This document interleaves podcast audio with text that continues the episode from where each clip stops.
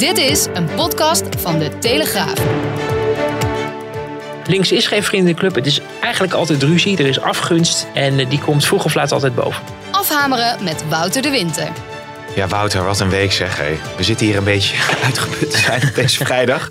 Ja, toch wat dagen op adrenaline geleefd. Maar eh, nu, uh, je merkt wel dat je heel erg veel hebt gepraat vooral. En dan, dan uh, nou ja, dan hoor je dat aan jezelf. Maar dan merk je ook wel van het is ook goed dat, dat we nu wel klaar zijn met zo'n campagne. Want dat is natuurlijk toch intensief. Um, ook vond ik toch wel weer leuk. Ook als je ja, ziet, zeker, uh, zeker. gisteren met, uh, met die nieuwkomers allemaal. De energie die ervan uitgaat. Uh, mensen die toch ja, het is erin zijn geslaagd om, om veelal op eigen kracht naar binnen te komen. Hè? Die Ja 21, Volt, maar ook de BBB. Ja, uh, ja. En uh, uh, natuurlijk ook Sylvana Simons, die gisteren nog even tegenkwam. En um, weet je, wat je ook vindt van de verschillende standpunten. We hebben toch een prachtige democratie dat mensen um, niet zoals Thierry Baudet nog wel eens heeft geroepen, we in een partijkartel leven waar vernieuwing niet mogelijk is. Nou, het, tegendeel is waar gebleken hmm. met die versnippering. Hoe dat vervolgens gaat met uh, de, de, de Kamerdebatten met 17 partijen, uh, waarin iedereen nou. even zijn ei wil leggen, dat wordt nog een behoorlijke opgave. Misschien moeten we de vergadertijden ook wat gaan verruimen. Hè. Tijdens Balken 2 had je het ook wel dat er soms op, uh, op, op maandag uh, en soms op vrijdag in ieder geval uh, AO's, algemene overleggen werden gehouden. om een beetje die, de rest van de week de Kameragenda te ontlasten. Misschien dat we dat weer terugkrijgen. Want 17 mensen, 17 fracties elke keer. En dan moeten de afsplitsingen nog komen. Ja, ja, ja, maar dat zei Kees van der Staaij geloof ik in een tweet. Het voordeel aan eenmansfracties is dat je niet zo snel een afsplitsing kunt krijgen. Dus dat scheelt dat, dan weer. Dat is dat zeker waar. Aardig, dat ja. is zeker waar, ja. We hebben een kleine compilatie inderdaad ook van uh, de nieuwkomers. Die we even aan de luisteraars kunnen laten horen. Den Haag, here we are! Het was enorm spannend. Ik ging naar bed uh, met winst. Ik stond op uh, met een totale desillusie. Maar kijk eens, we zijn er. Uh, en vandaag is een dag dat we hier nou ja, ook even landen uh, en uh, kijken hoe alles eruit uh, gaat zien. Ja, dat was de Boerburgerbeweging inderdaad. Laurens Dassen van Volt, Sylvana hoorde je nog even. Ja. Ja, het ging maar door. Luciel Werner. Ik weet nog als op een gegeven moment... We waren dan live voor de Telegraaf. En toen zei collega Alexander Bakker... Daar, Luciel Werner. Ja, dan rennen we daar nog ja, achteraan. Die dan voor, voor de, uh, hoe heet het, de, de poortje stond. Jullie zijn echt gek op Luciel Werner, hè?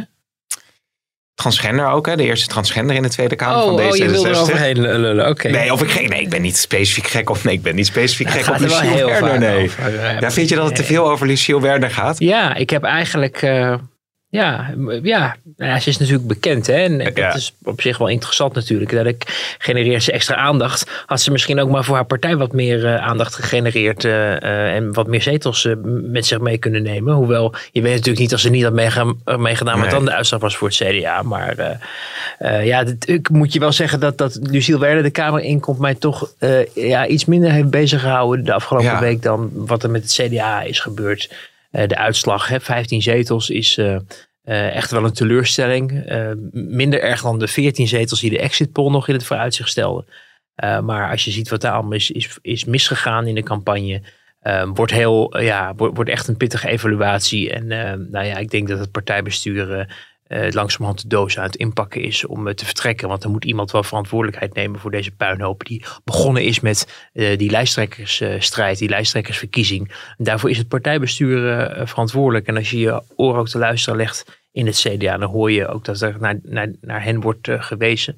Um, dus ik ben benieuwd uh, hoe dat uh, zich de komende maanden gaat ontwikkelen. Terwijl het CDA, als je een paar maanden teruggaat in de tijd, um, wel heel wat in handen had. Ja. Pieter Omtzigt, die zich natuurlijk nadrukkelijk manifesteerde.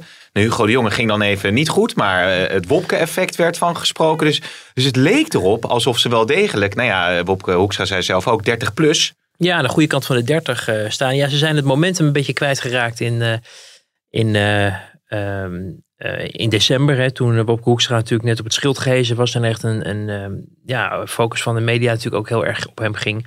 En dat is uit het zicht geraakt uh, met de jaarwisseling, met de kerstdagen, de discussie over corona, de discussie over de toeslagaffaire. En um, ja, heel, heel pijnlijk, daar is mee begonnen. En vervolgens gingen een heleboel andere dingen ook mis, van, van reclamespotjes tot, tot inderdaad de, de positie van de, de nummer twee.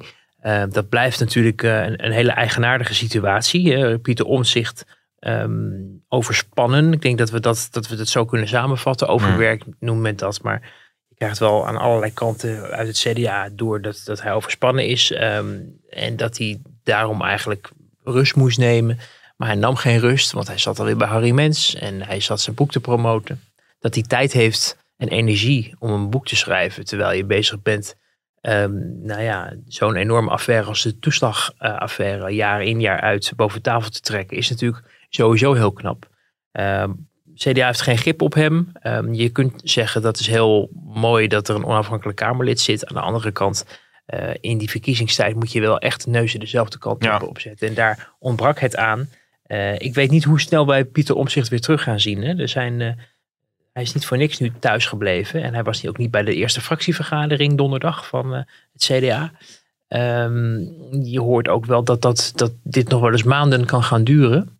Um, ik, ik ben niet zijn arts, um, nee. uh, maar dat de reden is voor hem om een stapje terug te doen. Uh, en dan bedoel ik vooral rust te nemen. Uh, dat hoor je wel aan alle kanten. ook wel met dat het op de manier waarop het de afgelopen tijd gaat. Ehm, ja, dan kan je.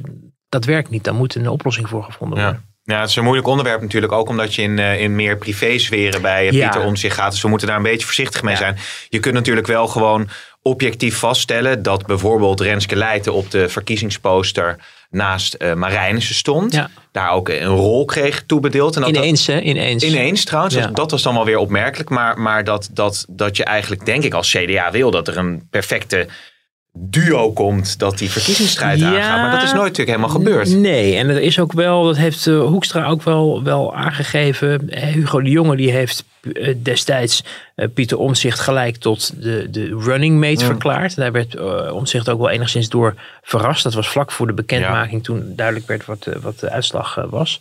maar Hoekstra heeft dat nooit nee. um, echt geambieerd. En, en ik heb ook niet het idee dat men dat in het, in het CDA ook per se okay. een goed idee zou okay. vinden om hem tot running mate te verklaren.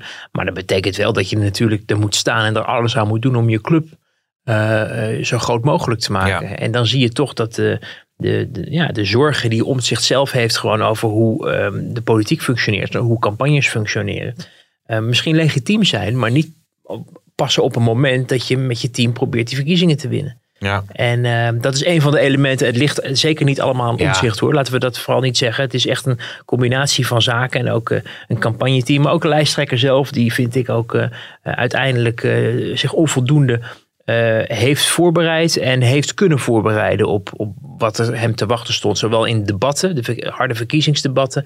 Als het verkiezingsprogramma. En ook eigenlijk een visie voor wat wil je nou met Nederland. Mm -hmm. Het verkiezingsprogramma was al af. Hij heeft een aantal dingen handjevol uh, onderwerpen nog kunnen aanpassen. Samen met partijbestuur aan het verkiezingsprogramma. Maar eigenlijk moet zo'n lijsttrekker jarenlang uh, de partij uh, ja, opsnuiven, proeven, ervaren. Weten wat er leeft. Ook weten wat er buiten de partij leeft. En zich helemaal op dat lijsttrekkerschap voorbereiden in plaats van minister van Financiën zijn en drie maanden voor de verkiezingen ja. op de troon geweest worden. Want um, het mantra was van het CDA het eerlijke verhaal. Dat, dat, dat bracht hij ook de hele tijd nadrukkelijk in de debatten. Was dat dan ook niet zo een succesvolle keuze. Dat was een beetje zoals Samson dat misschien eerder deed voor de P van de A. Mm -hmm. Nou, ik, ik denk op zich die boodschap. We hebben natuurlijk ook vorige week dat interview met hem in de krant gehad. En uh, je kan zeggen het is onverstandig om, om inderdaad over die WW te beginnen. Ik denk dat het ook zo was. Ik denk dat ze dat gewoon over het hoofd hebben gezien. En dat ze het op een andere manier hadden moeten opschrijven. Ja. Um, dat zegt eigenlijk ook al heel wat hè? Ja, maar dat ze daar de regie in verloren zijn. Zo, ja, maar zoiets kan gebeuren. Dat ja. heb je ook bij de PvdA gezien met die 42 ja, miljard voor het bedrijfsleven. Ja, dat heeft uh, wel natuurlijk heel veel kras uh, opgeleverd. Ja, ook dat, ook dat. En kijk, de VVD blonk vooral uit in nietzeggendheid. Uh, als het bijvoorbeeld ging om echt de, de de, de visie voor, voor de verre toekomst he, na de coronacrisis en, en de maatregelen die dan nodig zijn. Als je naar die doorrekening kijkt, dan zie je dat ze gewoon heel erg veel geld bij ontwikkelingssamenwerking weg willen halen. Ja. Waarvan je al weet voor de verkiezingen dat dat niet gaat gebeuren, omdat een coalitie altijd partijen be zal bevatten, tenzij ineens de PVV 50 zetels krijgt. Um, die, die ja, dat tegen zijn. Dus dan werd eigenlijk de hele grote uh, verplaatsingsoperatie en toedienen dienen van geld, toebedelen van geld, ook daarmee gelijk ondergaven. Maar daar, daarom heb je ook helemaal niemand gehoord over het VVD-verkiezingsprogramma en de VVD-doorrekening. En de CDA heeft zich kwetsbaar gemaakt. En ehm, ja, dat, dat komt in de eerste plaats, denk ik, gewoon door die lijsttrekkerstrijd. Daar is het mee begonnen. Het begon inderdaad al met Ploem die toen langs ging in, in, bij, in Volendam, in Rotterdam en bij het ministerie van Financiën. Terwijl Bob Koekstra toen niet deed en toen later wel was. Dat was eigenlijk al een hele valse start. Ja, ja. Wat allemaal wel weer rechtgebreid leek te worden. Toen kreeg je natuurlijk inderdaad ook die, die tweestrijd met die stemmen. De, de, de, de partner of vrouw van um, Omzicht die dan uh, een verkeerde stem had. Uh, die zou dan op Hugo de Jonge hebben gestemd. Volgens mij hebben we ook nog gehad. Maar dat was dus ook weer zoiets. Dat leek begraven. Hè? Want dat, uh, wij vonden dat allemaal destijds heel raar. Maar op een gegeven moment had men bij het CDA toch de neus een beetje dezelfde kant ja. op gekregen. En toen zei Omzicht niet meer van, van oké, okay, ik leg me erbij neer. En die begon een paar weken geleden van ja, dat mysterie is nooit opgehelderd. Waarmee er ja. weer twijfel werd gezaaid over datgene wat van het CDA juist hoopte dat het begraven was. Um, kortom, um, ja, nou, dat, is wordt, het CDA. Dat, dat duurt nog wel even. evaluatie. Ja, maar ik denk wel, weet je, om, uh, Hoekstra, en dat hoor je ook in het CDA, maar dat hoor je ook van andere mensen, ook van andere partijen. Uh, dat die potentie voor hem zeker nog niet uh, verdwenen is. Hij moet nee. natuurlijk wel volhouden. Het zal niet makkelijk worden. Het zal toch door de woestijn worden misschien uh, voor hem. maar Um, ja, schrijf hem nog niet af. Er zit nog wel, uh, er zit nog wel potentie in, denk ja, ik. Zoals hier op de bank ook zeiden, van misschien over vier jaar dat dan uiteindelijk als ja. Rutte misschien stopt. Als Rutte zijn record heeft. Het premierschap gloort. Als, ja, nou ja, nou ja, Kaag nu ook een geduchte... Als Rutte zijn record haalt van dat hij de langzittende premier is, dan is, nou ja, misschien voor hem ook uh, wel een beetje de, de, de, de, spanning eraf op een ja. gegeven moment. Je ja. zag hem, vond ik, Rutte, deze campagne. Bedoel, hij heeft die campagne prima gedaan. Hè. De campagneteam is natuurlijk ook heel sterk en gevreesd uh, van, van de VVD. Door allerlei andere partijen. Die hebben echt bewondering over de manier hoe ze zichzelf toch kunnen positioneren. De coronacrisis hielp hem heel erg met de staatsman-uitstraling. Um, in de debatten ging het eigenlijk altijd goed, behalve als er een kiezer aan het woord kwam. Ja. Uh, dan, dan werd het een beetje pijnlijk. Ik merkte achter de schermen wel uh, rond de interviews die uh, er zijn geweest, de debatten die er zijn geweest, de uitzendingen, dat de, de, de scherpte wel ietsjes minder is. Mm -hmm. ik denk dat dat komt vanwege het feit dat hij al een jaar lang vreselijk onder druk staat vanwege die coronacrisis. Ja. Maar dat viel mij wel op. maar zelfs als hij iets minder scherp is, dan doet hij het nog beter dan veel van zijn concurrenten. Ja. Maar ja, goed, we, we, we zijn allemaal mensen. En ja, je denkt natuurlijk af en toe bij die Rutte ook... wat moet die man ongelooflijk uh, uh, ja, moe zijn uh, bijna... als je en die coronaverantwoordelijkheid draagt... en een campagne moet voeren. Dat geldt natuurlijk ook voor anderen.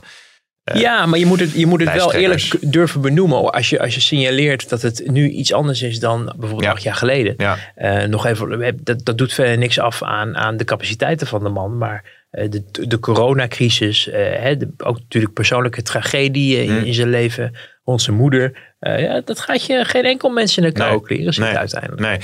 We hebben natuurlijk weer heel veel te bespreken. Ik weet niet of het een Jumbo edition wordt, maar... We moeten niet aan eh, podcastinflatie doen. Nee, nee, dus nee. Moeten... Ja, ja, nee het, moet elke, het moet elke week meer. Rustig, rustig. Oh ja, rustig. Dat juist niet. Ja. We hebben het CDA nu, uh, nu uh, gehad. VVD hebben we ook even besproken. Ja, dan gaan we toch maar even op links uh, kijken. Uh, Jesse Klaver, die, uh, die sprak ik gisteren ook. Was, het, het was een pijnlijke bijeenkomst daar de day after en hij reageerde als volgt. De pijn is groot. Zeker als ik gezichten zie van wie ik weet dat ik ze in de volgende fractie niet terugzie. En ik wil dat jullie weten dat ik ongelooflijk trots op jullie ben in hoe we met elkaar hebben samengewerkt de afgelopen jaar. De, de missie van GroenLinks urgenter is dan ooit. Uh, en omdat ik daar graag uh, met de partijen doorga. Het is uiteindelijk aan de fractie. Dus zo dadelijk uh, is het aan de fractie of ze mij gaan kiezen als fractievoorzitter of niet. Maar als u het mij vraagt, dan ga ik graag door. Ja. Ook weer heel veel over te zeggen. Eén punt wat mij wel opviel, en dat, dat, dat is zijn keuze. Maar ik zei ook van ja, een voetbaltrainer die, die dramatisch presteert ja. met zijn club. Die trekt zijn conclusies en stapt misschien zelf op. Nou, daar was geen haar in zijn, op zijn hoofd dat daaraan dacht? Nou, nou ja, dat, dat weet je niet. Maar... hij uh, okay. op zijn oh, minst ja? dan. Ja, want natuurlijk gaat zoiets wel door je hoofd op het moment dat uh, uh, je halveert in, in de verkiezingen. Ik geloof nu dat ze op acht staan. Nou, dat is bijna een halvering. Ja. Het leek nog even zeven te zijn. de definitieve uitslag moet trouwens nog komen. Hè. Er kan nog wat, wat veranderen uiteindelijk. En een zeteltje minder of meer her en der. Maar um, dit is natuurlijk een tragedie voor, voor GroenLinks. Een partij die hele grote verwachtingen had uh, vier jaar geleden. Toen ze met 14 zetels de Kamer binnenstormde. Overigens vergeet, niet dat er toen al gedroomd en gesproken werd dat hij het torentje zou gaan mm. bestormen. Hè? En uiteindelijk werden ze de vijfde partij van het land. Dus die, die grote verwachtingen van toen, die zijn niet waargemaakt. En het lukte hem ook niet na de, de, de mislukte formatie met GroenLinks voor Rutte 3. Om de afgelopen jaren een consequent geluid te laten horen, vond ik. Het was erg wiebelig, ging alle kanten op met... met uh, offensief tegen scorebordpolitiek. Uh, de campagne was natuurlijk ook een rommeltje met, met gekke affiches met andere lijsttrekkers erop. Uh, vooral heel voordelig geweest voor, voor mevrouw Kaag, die ja. werd door dat zo'n affiche. Maar um, ja, heel, heel, heel wiebelig.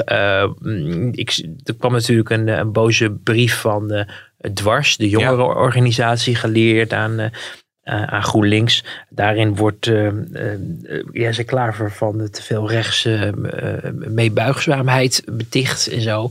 Nou, volgens mij viel dat wel mee. Ik denk dat er eigenlijk nooit een echte duidelijke commitment is geweest de afgelopen jaren tussen de linkse partijen, waar ze wel over spraken en waar ook wel mhm. hoog van op werd opgegeven. maar waar je zag dat als het erop aankomt, toch ieder voor zich is. Hè? En dat zo'n actie om, Lode, om Lodewijk Asscher te, eh, min of meer richting de uitgang te begeleiden. Uh, om, om hem heel duidelijk ook als GroenLinks mede verantwoordelijk te stellen voor de kinderopvangtoeslagaffaire. Uh, brengt natuurlijk wel met zich mee dat dat een, een imago geeft. Dat je niet echt een hele gezellige uh, linkse samenwerking zoekt. Het heeft bij de PvdA heel veel kwaad bloed gezet. Maar de buitenwereld ziet dat natuurlijk ook. En die hoort hem klaar voor in ook die de debatten opereren. Die kijkt ook wat er nog meer te koop is. Uh, in, het, in het speelveld uh, van de verkiezingen. En zien ineens weer een nieuw gezicht met een mevrouw die, uh, Sigrid Kaag, die, die haar vrouwtje staat duidelijk. tegelijkertijd um, ook iets in zich heeft wat. dat mag je zeggen, hè? je vrouwtje samen. Ja, daarom. maar over progressiviteit en zich daar ook heel erg op probeert, probeert te profileren. En progressief is natuurlijk iets wat GroenLinks ook heel graag wil. Maar ja, als je dan de verpersoonlijking van, progressieve, uh, van een progressieve lijsttrekker hebt, hè, de eerste uh, vrouwelijke premierskandidaat leek het wel even uh, het alternatief voor, voor Rutte. Ja, dan heb je daar natuurlijk ook last van als, als GroenLinks. En dan komt er ook nog dat Volt, die de studentenstem natuurlijk ook probeert aan te spreken. Dat was ook een van de sterke punten natuurlijk van GroenLinks bij de vorige verkiezingen. Kortom, een heleboel dingen zaten tegen. Uh, maar ik denk echt de strategie die GroenLinks de afgelopen jaren gevaren heeft, is, is, is de belangrijkste oorzaak van waarom het nu is misgegaan. Ja, zo interessant. Ik zag toevallig vanochtend een, eh, een, eh, statistiek binnenkomen hoe Nederlanders van 18 tot 24 jaar hebben gestemd. Dus ook nog een schatting, hè? Dan zie je dat GroenLinks daar nog steeds wel heel groot is. Als alleen 18 tot 24 jaar zeg maar, zouden stemmen met 15 zetels, maar Volt inderdaad met 8. Ja. Dus die pikken daar natuurlijk heel veel van weg. D66 en VVD groter, hè? Ja, D66 op 34, dan zelfs VVD ook nog groot. Maar ze hebben dus toch nog wel, wel een aardig bereik onder die jongeren. Maar dat is ook alweer de kritiek, denk ik, van GroenLinks. Dat het zich niet verhoudt op de hele bevolking. Nou, maar de vorige keer waren ze de grootste. Ook met die, met die verkiezingen bij, bij scholieren. En daar werden ze nu ingehaald door de VVD. Ja, dat zegt ook wel wat natuurlijk. Dat zegt ook wel wat, ja. Dus, dus ze hebben dat... Ze hebben ja, toch te weinig zich gerealiseerd dat je um, niet al te veel moet freewheelen uh, en niet al te veel van koers moet wisselen. En ook echt moet nadenken over het langetermijnperspectief. Hmm. Dat hoorde je bijvoorbeeld ook uit een partij als de PvdA. Van oké, als jij voor de situatie staat dat je met z'n drie in de Kamer zit, met die drie linkse partijen als oppositie. Uh, ga je dan ieder voor zich of ga je dan echt, wil je dan, ga je dan echt je best doen om samen te werken? En die echte wil is er eigenlijk nooit geweest. Nee, want onder die jongeren, 1824P van de A3, SP2, dus dat is natuurlijk ook een, een, een levensgroot probleem voor die partijen. Toch nog een vraag over die linkse samenwerkingen. Stel nou dat je dat wel georganiseerd krijgt. Dan profiteert daar misschien toch ook één partij van. Dan, heb je toch, dan, dan kan er toch nog steeds een andere linkse partij zijn die in het moeras verzeild raakt. Daar zijn ze ook altijd beducht voor. En daarom probeerden ze zich er ook onderuit te worstelen. Ehm, het is voor de achterban die wil geen ruzie tussen de linkse partijen. Maar als je nou bijvoorbeeld had over die scorebordpolitiek en het offensief, daar werd de Lodewijk Asscher door verrast. Dat ze daarmee van plan waren. Want Lodewijk Asscher dacht, oké, we gaan op links gaan we het ze moeilijk maken. En dan gaan we ze alleen steun in de Eerste Kamer bieden. Als we hmm. allerlei dingen die wij op links belangrijk vinden, door het kabinet gedaan krijgen. Maar één of twee dagen uh, voordat het zover was, werd duidelijk van, nou ja, um, GroenLinks gaat het op een andere boeg gooien. En de constructieve gedoogpartnerpositie innemen. Waardoor de PvdA niks meer voor elkaar kon krijgen. Want die waren ineens niet meer nodig voor de Senaat. maar ja, dat zet natuurlijk ook geen heel erg veel enthousiasme neer bij zo'n partij. Om dan de rest van het traject richting de verkiezingen dan samen op te gaan trekken. En die alliantie tussen PvdA en GroenLinks, die was uh, ja, dan ook wel erg uh, geforceerd. Als je ziet wat er gebeurd was en hoe Asscher uiteindelijk onder de bus is gegooid door GroenLinks. Nu hoorden wij gisteren, ook vanuit de fractie, dat er toch weer wordt gezocht naar een blokvorming met GroenLinks. Sommige mensen spreken zelfs van fusie. Vanuit de PvdA. Vanuit de PvdA-fractie. Mm Sommigen spreken mhm. van fusie. Maar vergis je niet, er is tegen een fusie ook een heleboel weerstand in het kader van de PvdA. Ook buiten Den Haag. De PvdA is natuurlijk een partij met een heleboel wethouders en, en uh, uh, raadsleden. En allemaal mensen die ook regionaal uh, en lokaal actief zijn. Um, en die vinden het belangrijk ook om samen te werken. Maar die zien zich echt niet automatisch in één partij belanden met misschien wel aan Kop Jesse Klaver. Of met Rutger Groot-Wassink. Of met Wijnand Duivendak. De voormalige ja. inbreker. Het DNA is toch ook wel heel anders van die partij. Ja, ze hebben de overeenkomst dat ze links zijn. Maar je hebt eigenlijk een arbeiderspartij en een partij die, ja, die zich toch meer richt op jongeren, op, op misschien hoogopgeleiden. Het is altijd op het moment dat de verkiezingsuitslag tegenvalt voor één of meerdere partijen, dat dan ineens de stemmen uh, gaan klinken van we moeten fuseren. Uh, je had het eigenlijk ook wel, je had zo'n fusie ook natuurlijk de vorige keer kunnen overwegen. Toen had GroenLinks weliswaar wat gewonnen, maar de PvdA heel erg verloren en de SP had ook verloren. Of we waren gelijk, ik geloof één zetel, nou in ieder geval niet gewonnen. En um, toen klonk ook de roep bijvoorbeeld van toenmalig uh, vertrekkend uh, minister Ronald Plasterk ja. om te gaan fuseren. Nou, daar had Lodewijk Asscher geen zin in. Daar had het kader van de PvdA geen zin in. Maar daar had ook Jesse Klaver die zei, nou ik ga er maar niet verder, ik ga het maar niet pijnlijker maken dan het is. Of ik ga er maar niet verder over praten, dat hmm. laat ik maar bij hen. Um, nu zitten we in een situatie dat ze allemaal hebben verloren. Of het PvdA gelijk is gebleven. Uh, ja, um, ik, ik, moet het, ik moet het zien. De beroep wordt luider, maar um, de ervaring leert dat, dat, uh, dat het niet zoveel effect sorteert. En het, ja, het zou hetzelfde zijn misschien als je zegt, oké, de VVD en het CDA moeten fuseren. Nou, daar zitten een heleboel CDA's ook niet op te wachten. Nee, en, en je noemt die, die, die fusie waarover gesproken wordt tussen PvdA en GroenLinks. SP valt daar dan buiten? Um, nou, ja, ook dat verschilt een beetje aan wie je het vraagt. Sommige mensen voelen zich meer bij GroenLinks thuis. Maar gisteren uh, merkte hij ook wel dat, uh, uh, of trouwens vandaag in onze eigen krant, Ronald Plasterk, die zegt ze moeten GroenLinks in een sop laten gaar koken. En ze kunnen beter vanuit de PvdA naar de SP kijken. Wel wonderlijk, dat je, vier jaar later. Dus eerst pleit hij voor een fusie met GroenLinks. En nu vindt hij dat GroenLinks in het sop moet gaan koken. Misschien ook omdat er ook bij hem, hij is natuurlijk ook een PvdA in hart en nieren uiteindelijk. Maar wel ook een, een frustratie is over de afgelopen jaren. En hoe Lodewijk, wat er met Lodewijk Asscher is gebeurd. Dat, is mm. wel, dat was wel hun man hè. Dan wilden ze de verkiezingen ja. minder, wilden ze Rutte bestrijden. Hadden ze denk ik ook een grotere uitslag mee gehaald. En, en ja, die is ook door eigen toedoen van, natuurlijk van PvdA achterban. Die voor een derde vond dat uh, Lodewijk Asscher weg moest. Maar weet je, al dat soort. Het is geen vriendenclub. Links is geen vriendenclub. Het is eigenlijk altijd ruzie. Er is afgunst. Ja, en eh, die komt vroeg of laat altijd boven. Ja, jij zat gisteren ook bij Jinek met Hans Spekman. Ik vond dat eigenlijk ook hele pijnlijke televisie. Want uh, daar werd ook weer gezegd, ja, die Asje, dat, die, die was eigenlijk uh, was, was die geweldig. Ja. Uh, had het potentie. Ja, ja en dan moest Ploemen het maar doen in die korte tijd. Nou, heel veel waardering voor Ploemen. Dat ze in die korte tijd toch maar zo haar best had gedaan. Maar ondertussen ligt die partij, nou ja, gruzelement is groot gezegd, want ze zijn natuurlijk gelijk gebleven. Ja. Maar het is toch eigenlijk wel dat, dat niemand uiteindelijk daar de lange termijn in oogschouw heeft gehad. Maar gewoon dacht van ja, er moet wat gebeuren. Nou, er waren, en nu likken ze de wonden. Een meerderheid van de mensen vond natuurlijk dat als je niet weg moest. Maar als je op een derde of 40 procent eh, van je partij die dat gewoon in een enquête aangeven. Eh, dan wordt het wel heel lastig als je daarmee de verkiezingen ingaat. En je ziet ook, en je kan dat soort dingen ook heel vaak moeilijk voorspellen in de politiek. Van wat wordt nou het onderwerp waar het over zal gaan. Um, soms, zou je, soms is het de zorg, zou je denken. Of, of vorige verkiezingen was het heel erg ook cultureel maatschappelijk. Hè. Moest het Wilhelmers nog gezongen worden en dat soort dingen. Nou, wie, wie hoor er nog over tegenwoordig? Uh, de coronacrisis domineerde uh, de verkiezingscampagne, maar ook weer niet. Want de meeste mensen vonden hetzelfde, behalve Thierry Baudet. Die vond iets heel anders en is daar volgens mij ook daardoor ook flink, flink gegroeid. Um, maar als het, ja, als het gaat om die, om die, om die PvdA, um, ze hebben ingeschat, um, althans veel mensen daar, dat het wel eens het verkiezingsonderwerp zou ja. kunnen worden. Daar leek het ook wel eind november, begin december in Den Haag alleen nog maar over te gaan. Het kabinet stond toch op omvallen. Nou, dat gebeurde uiteindelijk ook. Maar dat gebeurde een maand later dan dat de, de buzz daarover uh, min of meer ontstond.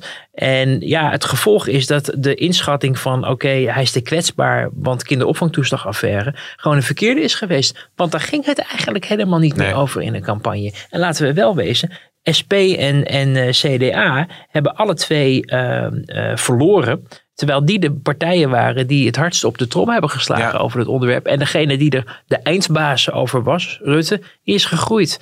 Cynisch zeggen veel mensen, dat snap ik. Maar het geeft ook aan dat een heleboel Nederlanders het erg vinden wat er is gebeurd met die toeslagaffaire. Maar niet voor hen bepalend uh, vonden dat ze daarom Rutte moesten afstraffen. Mensen hebben toch andere dingen aan hun hoofd. Ja. D66 overigens wat ik opvallend vind uit die definitieve zetels. Jij zei al toen we woensdagavond die opname maakte, uh, meteen de duiding van, uh, van de pijlen van de Ipsos uh, poll toen, de exit poll. Van nou, dat kan nog wel een beetje schuiven. Mm -hmm. Maar van 27 naar 23, ja. dat is ja. toch wel, dat is eigenlijk wel het verschil tussen dansen op tafel en, en gewoon applaudisseren, toch? Ja, nou. Ja, zoals deze prachtige uitslag voor D66. We, we, moeten de, we moeten er twee dingen over benoemen. Namelijk, het, ze hebben gewonnen. Ze hebben vier zetels gewonnen. Uh, zoals het er nu naar uitziet. En um, um, dat is voor D66 historisch uh, niet vanwege het feit dat ze er nu meer dan ooit hebben. Want dat is dus niet het geval. Hè. Dat was Hans van Mierlo, die had er 26 in, als ik het goed heb, 94. Uh, begin jaren 90. maar ze hebben, ze hebben gewonnen naar regeringsdeelname. En dat is iets wat we nog niet eerder hebben gezien. En daardoor is het heel bijzonder. Hè? De, je zag, adagie was regeren is halveren. Ze hebben ooit zelfs op nul zetels in peilingen gestaan. In de tijd uh, dat Alexander Pechtold uh, uh, zijn eerste dagen beleefde um, in Den Haag. Dus nou ja, dat was wel. Dat, ik snap dat daar een heleboel blijdschap van uitgaat. Um, maar wel van 27 naar 23. Het maakt het allemaal wat minder groot. Ja. En je ziet wel hoe belangrijk het is dat zo'n frame op zo'n exit poll echt wordt neergezet. Want het, de, de, de, het gevoel zag je in een heleboel andere kanten. Gelukkig was er één dorpje in Gallië dat moedig weerstand bood. namelijk de Telegraaf, die gewoon uh, op de voorpagina zet wie de verkiezing heeft gewonnen. In plaats van uh, iemand die, waarvan misschien een heleboel mensen hoopten dat ze de verkiezing ja. had gewonnen. En wie die mensen dan zijn, dat mogen onze luisteraars zelf invullen. Maar um, uh, je, je ziet wel dat daardoor een imago is geplakt op D66 van oké, okay, ja, die zijn nu wel heel erg belangrijk. Want ja, ja. kijk eens, ze zijn toch nou, bijna ongeveer op gelijke hoogte naar de VVD terechtgekomen, was natuurlijk helemaal niet waar nee. is. Maar je ziet wel, dat leidt wel tot, tot, tot al nu al een andere aanpak. Hè? Dat dus met die verkenners uh, er ineens twee verkenners komen. Want, begrijp ik van de D66, men wilde uh, ook laten zien dat het dingen anders moeten worden aangepakt uh, dan voorheen, namelijk nieuw leiderschap.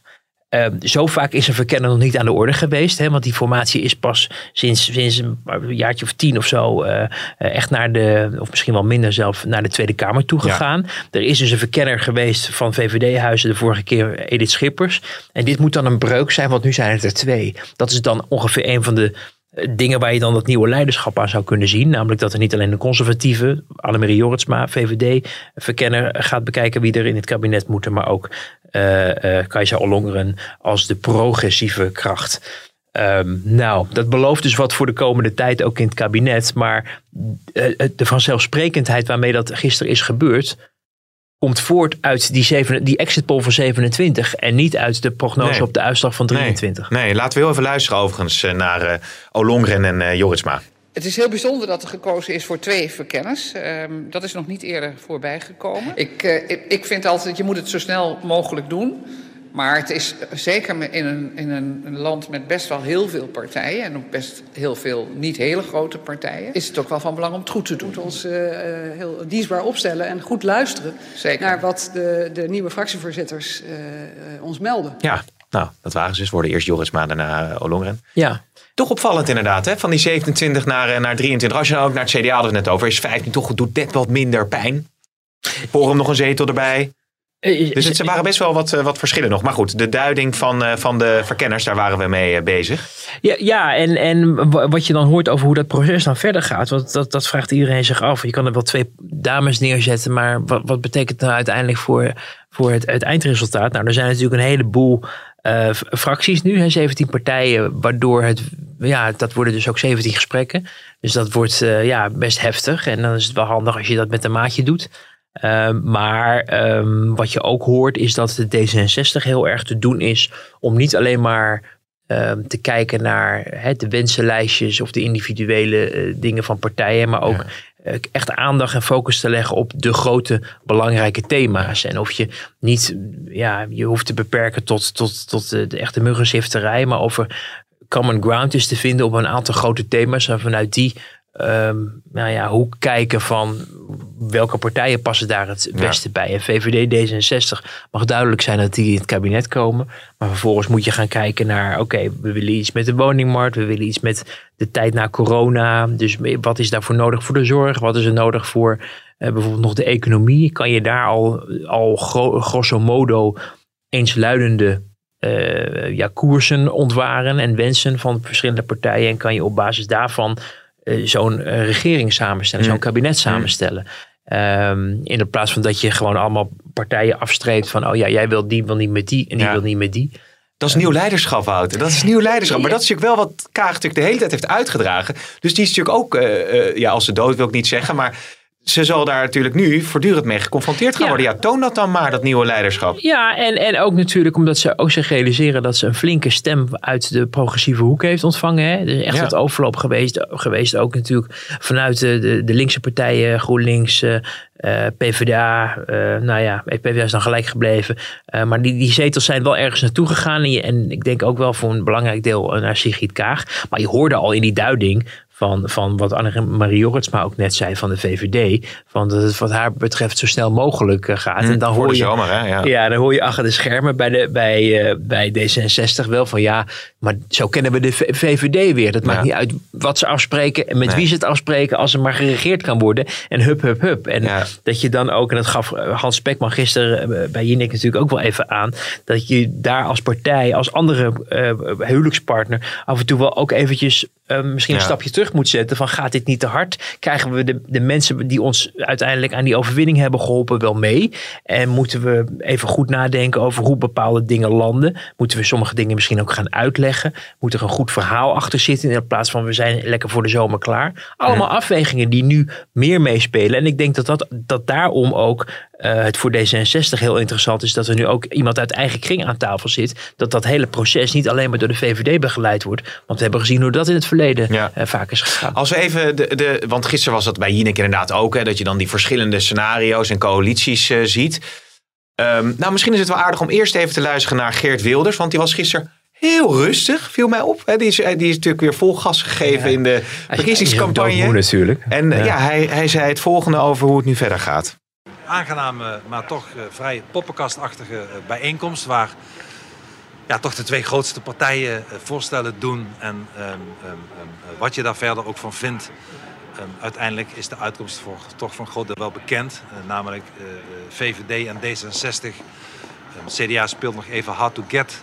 omdat ze dan natuurlijk ook een betere uitgangspositie hebben. Maar die zullen er ook bij zijn. Dan zal er nog een andere partij bij worden gezocht waarschijnlijk. En dat zal het dan worden. Het is niet zo dat nu uit die verkenningsperiode dadelijk het voorstel komt of het idee komt of een meerderheid ontstaat die zegt laten we eens een rechtskabinet eh, gaan uh, onderzoeken. Ik denk niet dat dat gebeurt. Nou, ik moest wel lachen. Ik hoorde dit als ja, nee, heb eigenlijk groot gelijk. Zo zal het nou, dus en dat is wel, inderdaad, dat is ook precies wat ik denk. Uh, als Wilders ooit stopt als politicus in Den Haag, kan hij altijd als analist zo aan de slag. Ja. Want je kan zeggen wat je wil van zijn standpunten, maar hij weet wel hoe het werkt in Den Haag. En hij, hij, hij ziet, doorziet ook heel snel waarom dingen gebeuren zoals ze gebeuren. Uh, er is natuurlijk wel een kans dat de, het CDA uh, uh, niet aanhaakt, omdat de andere partijen elkaar vast gaan houden. Bijvoorbeeld op, op, links natuurlijk. Ik denk vanuit het CDA ook wel gewoon regeringsverantwoordelijkheid echt ambieert. Dus daar, dat, daar, dat hoorde ik gisteren ook achter de schermen. Toen ik vroeg, willen jullie dan liever in de oppositie? Nee, nee, nee. dat was ook weer niet de bedoeling. Uh, maar Wilders die beschouwt dat speelveld. En die, die maakt gewoon heel snel een optelsom. Hij weet natuurlijk dat, dat partijen hem hebben uitgesloten, de winnaars van de verkiezingen, dus met uitzondering dan van Baudet. Maar die, die, ehm, die willen hem niet in het kabinet. Dus hij weet, nou, ik ga in ieder geval niet, ik ga waarschijnlijk de oppositie in. Dat, dat kan bijna niet anders. Maar hij geeft gelijk even een samenvatting van het, het circus, zoals hij het geloof ik ook tegen jou noemde, wat zich toch gisteren in die... Poppenkast. ja, over de poppenkast, ja, dat was het. Eh, in, in die rooksalon van de oude vergaderzaal voltrok. Um, uh, dus ja, dat, dat is wel. Ik denk wel dat hij, dat hij wel gelijk heeft uh, met die analyse. Maar uh, ja, Wilders natuurlijk ook wel moe van, ja. van al die debatten. Maar je merkt wel dat er een vorm van opluchting ook wel overheerst. Drie zetels verliezen is natuurlijk niet leuk.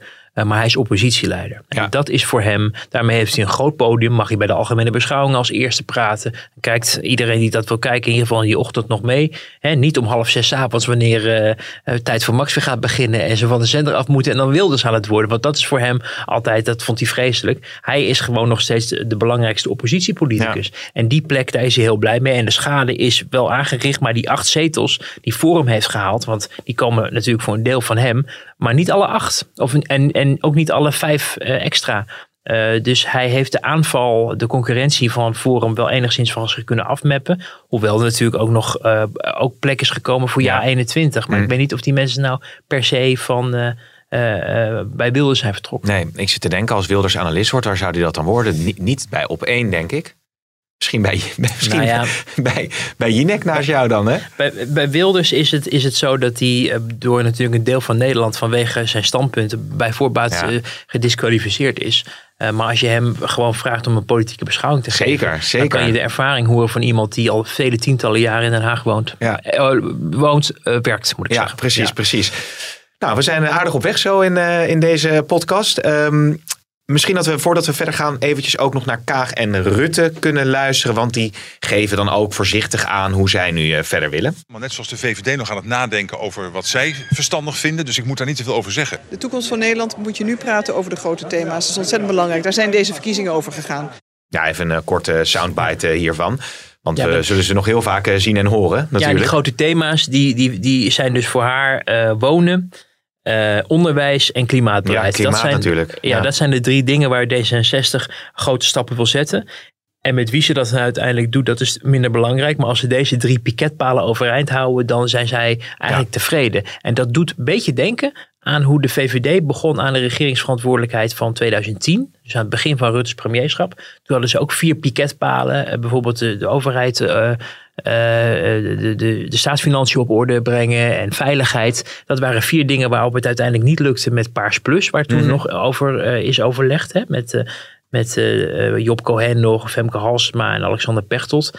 Uh, maar die piketpalen, um, dat zijn dit, dit zijn eigenlijk de piketpalen van D66, die drie onderwerpen. En daarom willen ze ook liever vanuit die onderwerpen uh, ja. gaan kijken met die verkenning dan per se het spelletje van jij niet met jij. Nou, het maakt het ook weer in die zin heel overzichtelijk. Want als klimaat uh, natuurlijk logischerwijs een nadrukkelijke piketpaal is, dan kun je dus ja 21, nou Forum natuurlijk sowieso, maar alle partijen die sceptischer staan ten opzichte van klimaat, die kun je gemakshalve al overboord gooien. Nou ja, de VVD heeft er natuurlijk ook nog wel wat over te zeggen. En je, bij de VVD hoorde je wel interesse voor ja 21. Omdat die naast de drie zetels die ze nu verondersteld worden te hebben gehaald in de Tweede Kamer. natuurlijk nog acht zetels de oude Forum inboedel ja. in de Senaat kunnen leveren. En geen enkel kabinet gooit die bij voorbaat in de prullenbak, um, zou je zeggen. Je hoorde wel uh, vanuit D66 dat de kans dat ze in het kabinet komen ja, ja 21, dat die uh, echt heel klein wordt ingeschat. Mm. Ook vanwege datgene wat, je, wat jij zegt. Maar dat betekent niet dat je ze helemaal parkeert. Uh, want ze kunnen op bepaalde thema's, misschien ook, ook economisch, ja, pri waarschijnlijk ja. prima met VVD en D66 door één deur. En dan zijn het een, in, in, ineens wel acht hele handige zetels natuurlijk. Als je een kabinet hebt dat waarschijnlijk geen meerderheid gaat halen in de Senaat. Nee, laten we heel eventjes de scenario's erbij halen. Misschien al één stapje verder, want we kunnen weer helemaal vanuit het begin gaan spreken wat de opties zijn. Maar wat acht jij de meest reële coalitie?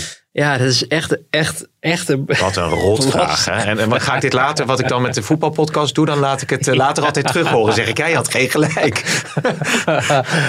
ja, nou kijk, je kan je alleen maar, je kan alleen maar beschouwen op basis van wat je hoort van mensen, hè, wat ze tegen je zeggen. Ik, ik moet altijd, denk ik, zeker met dit soort coalitievorming, moet je heel erg oppassen dat je niet vanuit de losse pols en op basis Hmm. van het verleden alleen maar gaat redeneren van ja, die kunnen niet samen met elkaar of een verliezer hoort niet in het kabinet. Hè. Dingen veranderen. Dus je moet je baseren op wat je hoort van mensen. En dan hoor je bijvoorbeeld eh, over GroenLinks hè, eh, als, als optie.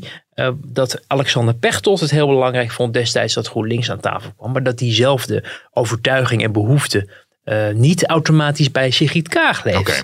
Dus dat is een interessante. Ja. Ehm, Want ook niet bij Rutte. Nee, eerder minder, eh, ster- sterker nog minder graag met GroenLinks dan, Ja. dan, dan eerder. Omdat ehm, men vreest voor de stabiliteit van die partij. En ze bij de vorige eh, eh, formatiepogingen hè, bij, in 2017 echt een hele negatieve ervaring hebben opgedaan. Ik, ik sprak daar de afgelopen weken ook nog wat onderhandelaars over. Die destijds aan tafel zaten en de manier waarop dat is gegaan. Ehm, ik, ja, ik ben even kwijt of we dat nou niet eerder al hadden be- behandeld in een voorgaande podcast. Maar dat je eh, er steeds op allerlei verschillende punten niet uitkwam. En dat je dan, dan geen knoop over doorhakte, maar het ergens parkeerde. En zo Ja. werd die plank steeds voller. En Ja. uiteindelijk ging het mis met, met asiel. Maar er was nog veel meer dingen waar ze het niet over eens waren. Waar ze ook helemaal niet aan toe waren gekomen nog om überhaupt een beslissing over te nemen. Dat wil men bij de VVD niet nog Nee. een keer En meemaken. nu doorpakken, dat wordt dan lastig. En de CDA die heeft natuurlijk al over klimaatbeleid eh, en de, de extra top, die, die eh, top-up op de, die, die GroenLinks op het klimaatbeleid wensen hebben, dat is dat voor hen een onbegaanbaar weg- begaanbare weg is. Hè. Dat heeft Hoekstra gezegd in het slotdebat. En eh, nou, de VVD staat er ook niet om te springen, want daar heeft eh, Mark Rutte voor gewaarschuwd. Neem niet weg dat GroenLinks natuurlijk alles overboord kan kieperen en zeggen we, we tekenen wel bij het kruisje, maar dan krijgt hij ruzie met zijn achterban. Dat zagen we in die brief van dwars van de jongerenorganisatie. Dus dat wordt een, denk ik een hele lastige. Met een potlood doen we het. Hè? Dat, dat, even voor de luisteraar. we- we rekenen je er niet op af. Maar het is gewoon een Ja. interessante analyse. Wat Ja, er zou kunnen gebeuren. Ja. Oké, GroenLinks hebben we het al gehad. Ja, nou, CDA zit er gewoon bij, hè? gaan we vanuit? Dat, ja, dat, dat is een, een waarschijnlijk scenario, tenzij PvdA en GroenLinks elkaar vasthouden. Maar daar zitten ze, geloof ik, volgens de laatste telling op 75 zetels, Mm. dus dat is te weinig. Ehm, dus ehm, een van, van de linkse partijen, nou de SP, daar hopen ze, als het, als het echt niet anders kan, eh, bij de VVD liever op dan op GroenLinks. Je hoort wel vanuit verschillende partijen, ook bijvoorbeeld het CDA, dat ze de PvdA er wel bij willen hebben. Om een soort grote coalitie, eh, ook in het midden. Ja. Eh, nou, Hans Pekman gisteren die, en ook Lilianne Ploemen hebben al gezegd dat ze.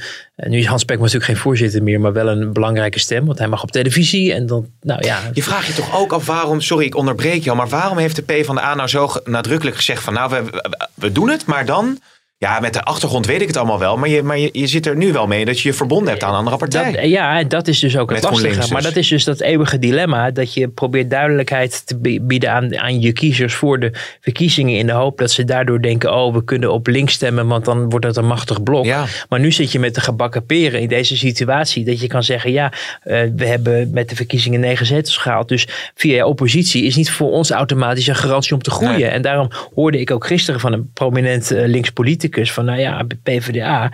ehm, ehm, he- heeft wel de kans om bijvoorbeeld op bepaalde eh, terreinen prominente PvdA's neer te zetten in een kabinet. Waardoor ze misschien het verschil kunnen maken.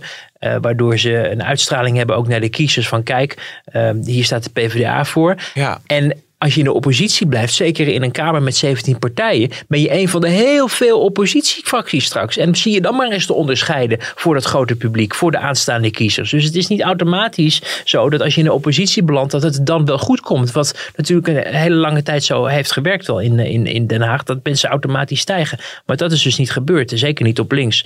Ehm, dus, dus, nou ja, dus dat is een mogelijkheid dat men een van die linkse partijen erbij pakt. En nou ja, er zal nog heel wat water door de Rijn moeten stromen voordat eh, misschien de dogma's van we houden elkaar vast verdwijnen. Ehm, en je hebt natuurlijk ook nog de optie om het met de ChristenUnie aan te pakken.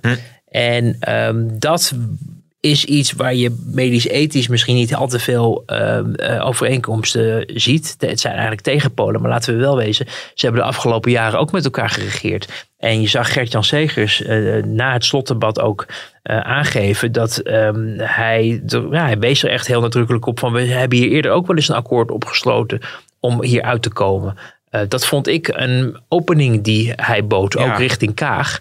Ehm, omdat Kaag heeft gezegd, medisch-ethische zaken, voltooid leven. We gaan het niet nog een keer vier jaar op de plank leggen. We gaan nu echt spijkers met koppen slaan. En we gaan het aan de Kamer overlaten. Veronderstellend dat daarmee er een meerderheid ontstaat dat het door de Kamer gaat. Uh, dus Ja. dat is, alleen kan je van een ChristenUnie-kabinet bijna niet, niet verwachten dat zij iets wat echt zo ehm, tegen, hen, tegen hun wezen ongeveer ingaat, dat ze daarmee akkoord gaan. Dus dat wordt een lastige. Maar ik zie ruimte voor onderhandelingen daar. Want dat is de vorige keer ook gelukt. En nou ja, als je het als D66 en ChristenUnie kan eens worden op, op zaken als woningen en een klimaatbeleid. Dat wordt ook bij D66 erkend. Dat ze eigenlijk helemaal niet, rond klimaatbeleid helemaal niet zoveel verschillen van de Nee. ChristenUnie. Dus Nee. dat zijn, als dat zo'n belangrijk thema is voor hen. En ik geloof ook niet dat de ChristenUnie tegen eh, investeringen in het onderwijs is en tegen eh investeringen in wonen. Nou, dan, dan zie Ja. je daar toch wel een, een beetje mogelijkheden. Ja, zomaar bij voetbal zeg je gewoon 3-0. Dat het dat wordt. dat is dan wel een verschil. Maar nog wel, nog wel één punt. eh, Dan, dan, dan houden we daarover op. eh, En gaan we voor de luisteraars rustig richting Moeten we wel even nog over. Baudet hebben. Ja, daar, no- nou, oké. Ja.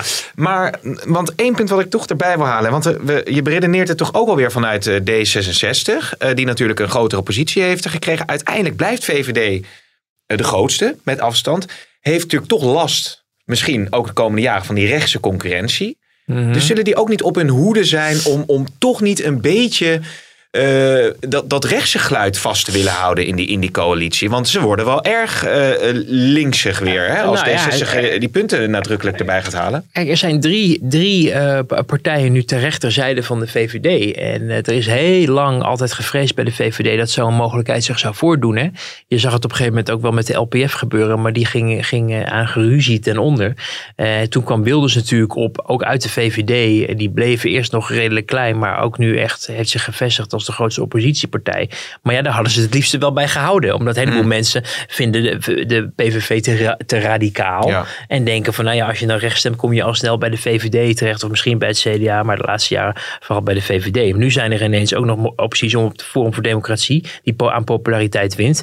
eh, en op, op Ja 21 te stemmen. Dus dat geeft wel te denken. Aan de andere kant, ja, de koers van de VVD is natuurlijk ook verlegd. Hè? Die is naar links verlegd. En die hebben nu een, veel, een heel ander eh, eh, electoraat achter zich staan. Dat je dat bijvoorbeeld 10, 15 jaar geleden Ja. veronderstelde. Ja.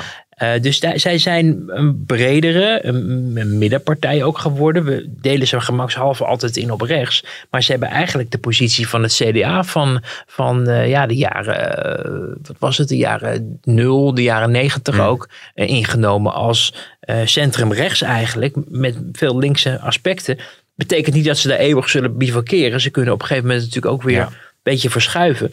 Ehm, maar het is dus niet zo dat automatisch ehm, de mensen die. Er zijn dus een heleboel extra mensen die de, zich ook nu thuis voelen bij de VVD. Die dat Nee. 15 jaar geleden niet. Maar die zouden wel voorkeur hebben dan voor de ChristenUnie waarschijnlijk. En niet zo snel voor, eh nou ja, PvdA kan natuurlijk ook dan nog. Maar GroenLinks Ja, is dan misschien wel een brug te ver voor, eh, voor de Ja, bij VVD-achterban. Bij de VVD hoor je, hoor je dat ze graag door willen met nieuwe.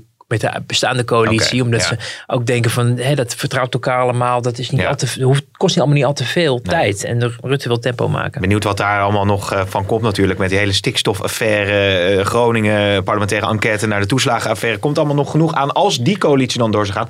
Maar jij wilde eh Baudet er nog even bij Ja, dat, is, dat, dat laten we dan niet vergeten. Hij dat kwam, hij- het kwam gisteren voor het beeld hè, op donderdag met, met een jeep. Kwam Ja. die aanrijden, eh, pal voor de Tweede Kamer-ingang eh, geparkeerd. zijn de grootste winnaar van de verkiezingen. En volgens mij mogen de grootste winnaars altijd een initiatief nemen in de formatie. Dus het wordt spannend. Nou ja, je hoopt natuurlijk altijd op nog meer. We hadden op een gegeven moment zelfs het gevoel, we gaan 76 zetels halen. Natuurlijk de journalisten weer eromheen met de, de woordvoerder in het roze pakje.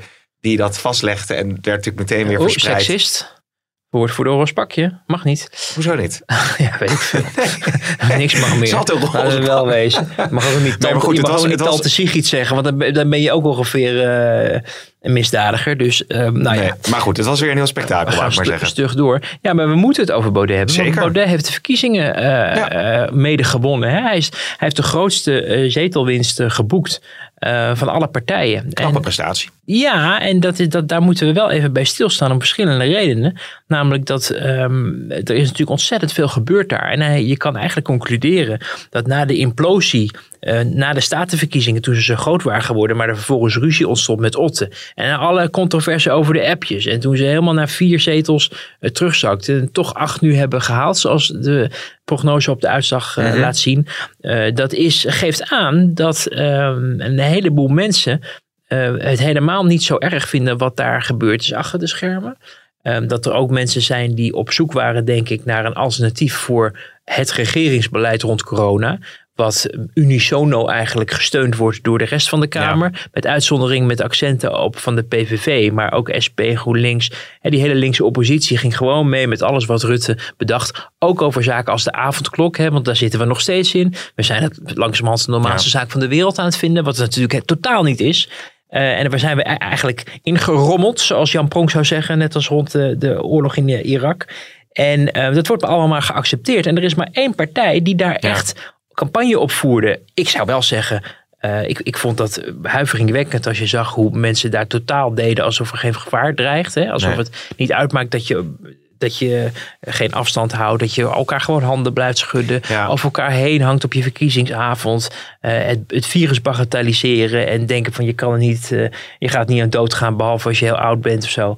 Uh, vond ik allemaal um, onfris, zal ik je eerlijk zeggen. Omdat er echt, echt wel wat aan de hand is. Maar dat neemt niet weg dat de rest van de politiek een enorme kans heeft laten liggen om een geloofwaardig alternatief te vormen voor het coronabeleid. Om gewoon te zeggen: oké, we begrijpen dat er een, een, een, groot gevaar is. We willen meehelpen. Maar we gaan toch ook kijken of we op een andere manier het kunnen aanpakken. Of we sommige maatregelen misschien niet steunen en andere wel. Nee hoor, iedereen deed precies wat Rutte wilde. En daardoor is, denk ik, Forum ook ja. uh, zo succesvol gebleken. Ja. Het is ook wel interessant. Ik, ik, ik, ik kijk ook veel op die social kanalen van Forum. En Um, want als je ook kijkt naar de verkiezingsavond en ook de, de dag daarna, dan, dan nou ja, ook, ook journalisten die maken zich daar schuldig aan. Maar je ziet ook uh, hoe dan Ariep uh, uh, de partijleiders ontvangt. En er wordt dan wel natuurlijk wel afstand gehouden. Maar dat kan natuurlijk al heel snel ook door Forum voor Democratie geframed worden. Van nou kijk maar, want ook in de politiek lopen ze elkaar te feliciteren. En ook de journalisten die, die lopen dicht op mij. Dus geloven ze zelf eigenlijk er wel in dat corona een gevaarlijk virus is. En ik zat dat te laten bezinken. Toen dacht ik van ja, als je, als je uh, de day after een ogenschouw neemt. Het, het, het, de, hele, de, de hele stress van de eerste golf ja. is er wel een beetje af. Dus dat maakt misschien de positie van Forum ergens ook alweer sterker. Ik zeg het heel voorzichtig, hè, maar ik, ik, ik denk wel dat heel veel mensen er zo ook een beetje uh, naar kijken. Er is bij iedereen coronamoeheid. Ja. En uh, ik, ik denk ook wel als je gisteren inderdaad... Uh, Ehm, de, de drukte zag, de oploopjes die je natuurlijk de laatste tijd vaker ziet met, met, met per se. We hebben de beelden van Sophie Hermans gezien eh, op de, ja. op de uitslagenavond. Dat hij door acht, acht microfoons ongeveer op de hoofd werd gemapt. Ja, maar ook, ook de overigens partij zelf. Want, want de hele stoet aan D66'ers die uiteindelijk het gebakje uh, at. Ja. kwam ook in dat Tweede Kamergebouw aan. Dat was een indrukwekkend gezicht. Maar, ja, maar nee, ook, ik wil maar, het is niet dat ik daar heel zwaar aan til. Maar zou niet eh, dat ook eh, bij, bij kiezers een element kunnen zijn van ja, zie je wel met dat corona. Het kan allemaal nou, misschien wel ik denk dat bij kiezers ook. Uh, ik denk dat die kiezers niet heel erg veel verschillen van de mensen die in de Tweede Kamer momenteel werken en, nee. en, en, en, rondlopen. Of het nou journalisten zijn of Kamerleden. Of, of, het, wordt, het wordt steeds lastiger. Je, je probeert afstand te houden zo goed en zo kwaad als het kan. Je, probeert, je doet een mondkapje voor. Dat is natuurlijk ook een verschil ja. met, met Baudet en zijn club. Hè, die, die daar ook allemaal niet in geloven. Uh, nou ja, uh, nee, gaat geen feest vieren op Andrea Hazes met, met, met leven, et cetera. Ik zag beelden van ja 21, waarin de felicitaties gingen nou ja, ook iedereen om elkaar ja, omhelzen en ja. handen schudden. Misschien hebben ze allemaal eerst een coronatest gedaan, dat weten we natuurlijk. Nee, maar dat is misschien toch de reden, dat, want, want je hebt het net over, over uh, geen één partij die echt wezenlijk anders ten opzichte van het coronabeleid staat. Dus als je daar bepaalde negatieve sentimenten bij hebt, dan, dan kom je toch misschien al vrij snel bij Forum terecht. En dan dat, neem je die appjes en, en al dat, dat Maar, maar vergis, vergis je ook niet dat er ook echt nog steeds zoiets is als de proteststem. Hmm. En dat je, dat je, zonder dat je het per se zelf je zo gedraagt als je ziet op de beelden van wat er op, bij forumfeestjes en bijeenkomsten gebeurt. Maar dat je gewoon vindt dat de beuk erin moet. Ja. Dat is natuurlijk ook de reden waarom Wilders natuurlijk al jarenlang heel succesvol is. Niet omdat hij zoveel heeft bereikt qua, qua wetsvoorstellen of zo. Of, maar wel omdat men vindt dat er een belangrijk tegengeluid moet komen. En zeker bij een deel van de bevolking die vindt dat het te veel een kliek is in Den Haag, waar iedereen onder één hoedje speelt. Ja. En, en Baudet zich op alle mogelijke manieren zo weet te manifesteren dat hij zich daaraan onttrekt. Uh, en zich ook daarna uh, zich gedraagt op de manier waarop hij dat wil. Waarom is hij niet available op het moment dat hij de grote winnaar is van de verkiezingen, Ja. verkiezingsavond? Ja. Nee, hij gaat gewoon lekker uitdenken, Ja. doei, ik heb toch al gewonnen. En toen was er ook nog twijfel of hij de dag daarna wel zou komen. Hè? Of hij uh, daadwerkelijk eh, zou, eh, naar Ariep zou gaan. Er was een signaal gekomen dat, dat hij het bij het partijkartel eh, niet wilde aanschuiven. Nou, dat bleek uiteindelijk niet. Ik heb het idee wel dat ze enigszins hebben getwijfeld van eh, hoe moeten we, hoe moeten we eh, ons verhaal vertellen als we met deze uitslag. Want de verwachting was, leek het ook echt, eh, dat zei Baudet ook gisteren, van 20 zetels of zo. Ehm, dan denk ik, nou, dat leek mij echt wel een, een luchtkasteel. Ja. Maar als je daar serieus in gelooft en je haalt er acht, dan is dat best een teleurstelling. Terwijl als politieke observant, en ook als je dat bij andere partijen eh, hoort, die denken, nou, dit is veel meer dan we verwacht hadden. Ja. En als ik hen was, zou ik de totale overwinning eh, uitroepen. Ja. Eh, nou, uiteindelijk leek het daar wel een beetje op gisteren. Hè, dat, hij, dat hij toch wel hè, positief en, en, en optimistisch was over het resultaat. Maar het leek er wel eventjes op alsof het bijna een nederlaag was. Ja. En dat is natuurlijk niet zo. Want Nee. het is echt, echt, vind ik echt knap dat je, dat je het zo verschopt. En ook het herstel na die moeilijke periode, vol energie, eh, campagne gevoerd. En heel veel mensen weten te bereiken. Ik zit alleen wel te denken, Wouter, we gaan nu naar een afronding. hè. Ik dacht van, nou, die verkiezingen komen eraan. En dan is het misschien even. Nou, dat, dat weet, weet je natuurlijk ook al, dat het niet echt rustiger wordt. Maar ik, vooral als je kijkt naar die bonte stoet aan Mhm. partijen en Kamerleden die we straks krijgen. Ik zie die dinsdagen en die debatten al vormen, joh. Dat wordt echt. Als je alleen al moet je voorstellen, als er een immigratiedebat komt. Sylvana, Wilders, Ja 21, Thierry Baudet.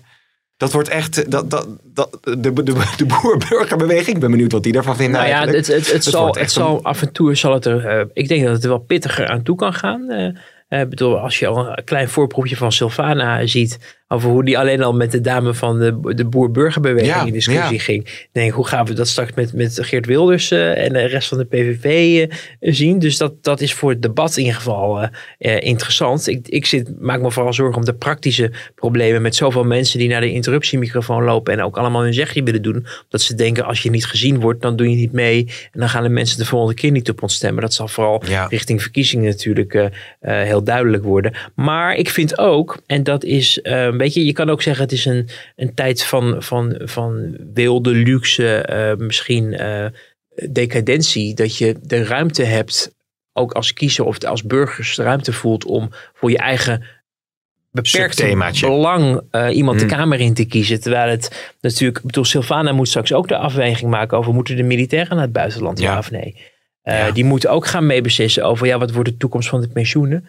De boer-burgerbeweging zal zich moeten buigen over eh, dingen als gezondheidszorg. Eh, dus, inclusief pensioen, denk ik. En dan. eh, nou ja, nou ja. en de boer-burgerbeweging. Nee, sorry. Nee, maar, maar dus dat, dat, dat, wordt, dat, wordt, dat wordt nog best een tour. Ja, Maar het zegt, vind ik, ook wel iets over, eh, even los van misschien een vorm van decadentie, maar ook eh, en een gebrek aan tweestrijd. Hè, want mensen hadden de, de luxe, want ja, de VVD ging toch wel winnen, was, was het, het, het, het idee. En niemand komt erbij in de buurt. Eh, maar dat je ook ehm, je wel moet afvragen of. of ehm, de partijen die groot zijn en, in de Kamer zitten, ehm, of die zich niet op een andere manier moeten, moeten positioneren. Ja. Hè? Er komen nu 35 VVD'ers de Tweede Kamer in, waarvan je er 20, denk ik, de komende jaren nauwelijks of niet zal horen of zien. Eh, ook omdat ze zich moeten conformeren aan de partijlijn en de partijleider. En die zit in Mhm. een torentje, die moet overeind worden gehouden.